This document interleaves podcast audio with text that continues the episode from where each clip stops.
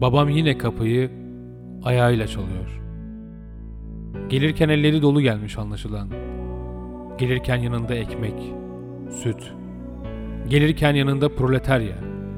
Gelirken yanında Berlin Staninale yapı işçileri, Çapel çelik işçileri. Gelirken yanında Tatabanya madencileri.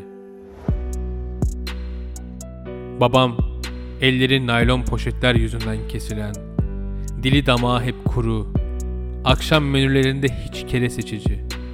Karısından bizzat çay isteyip ana haber bültenlerinin karşısında ölüye kalan.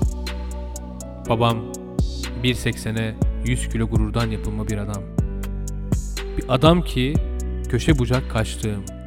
Fakat annemin gittikçe babana benziyorsun dediği.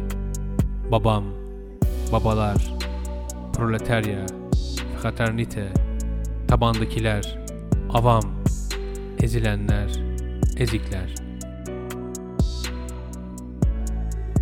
Eve Coca-Cola sokmayan babalar bir işçi sınıfı olarak. Carrefour'lara asla uğramayan babalar bir işçi sınıfı olarak. Yapman gereken sofrada zorla uzandığım ucuz peyniri bana yaklaştırmaktı baba.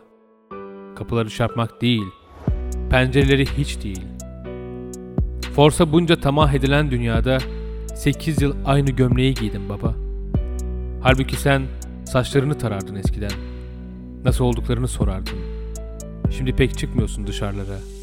Çıkma baba. Zaten çıkılacak bir dışarı kalmadı artık. Zaten evden gayrısı kalmadı artık. Sen elinde kumandan, televizyonunda siyasi partilerin. Annem içeride öldü baba. Televizyonun sesini birazcık kısar mısın?